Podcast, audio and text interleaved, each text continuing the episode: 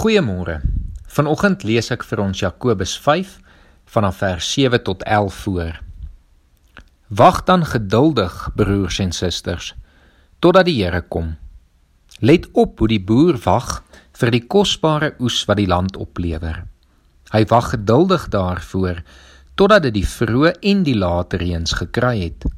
Julle moet ook geduldig wag en moed hou, want dit is nie meer lank nie, dan kom die Here. Moenie oor mekaar kla nie, broers en susters, sodat julle nie veroordeel word nie. Die regter staan al voor die deur. Broers en susters, neem die profete wat in die naam van die Here gepraat het as voorbeelde van lyding en geduld.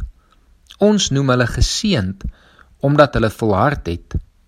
Julle het gehoor van die volharding van Job en julle het gesien waarop die Here dit laat uitloop het. Die Here is immers ryk aan barmhartigheid en aan ontferming. Die laaste jaar het baie mense gesê dit is nou die einde van die wêreld. Die laaste 20 of 30 jaar kom hierdie al meer en meer na vore. En die eindtyd is waarskynlik al hoe nader. Maar hoe lyk 'n lewe van liefde selfs al weet ons die einde is naby? Dit is 'n lewe wat in liefde geduldig bly wag en rustig voortgaan met die normale lewe. Daarom skryf Paulus ook in 1 Tessalonisense 4 vers 11: Laat dit vir julle 'n saak van eer wees om rustig te lewe en met julle eie sake besig te wees. 'n Lewe wat in God se liefde gewy is aan God, gaan sit nie net en besluit dit is nou dit nie. Ek wag maar dat die Here kom. Nee, 'n lewe van liefde wag geduldig op God vir wanneer hy wil kom en terwyl ons wag, werk ons rustig voort. Hierdie beginsel geld egter nie net vir die eindtyd nie, maar ook vir ons daaglikse lewens. 'n Lewe wat in God se liefde is, is 'n lewe wat van geduld behoort te getuig. Geduld om te wag dat die Here sal doen wat hy wil doen op sy tyd en dat ons hom kan vertrou met die uitkoms. 'n Lewe wat geduldig wag op gebedsversoeke met die wete dat ons veilig en vas in Christus se liefde is. Jakobus gebruik die voorbeeld van Job en ek glo elkeen wat vanoggend luister ken die verhaal van Job. Job wat baie swaar kry moes verduur het.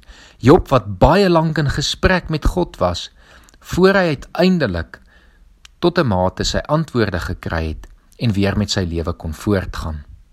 Ons moet geduldig wag op wat die Here gaan doen en geduldig wees vir wanneer hy dit wil doen.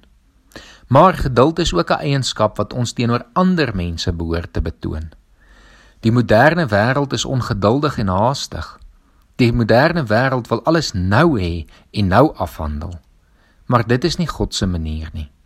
Ons kan nie werklik ander mense lief hê as ons dit so vinnig as moontlik in die verbygang wil afhandel nie. Ek weet ek is ook baie keer hieraan skuldig. Ons moet egter leer dat liefde tyd nodig het. Om iemand anders werklik lief te hê, gaan jou tyd neem. Maar wees geduldig.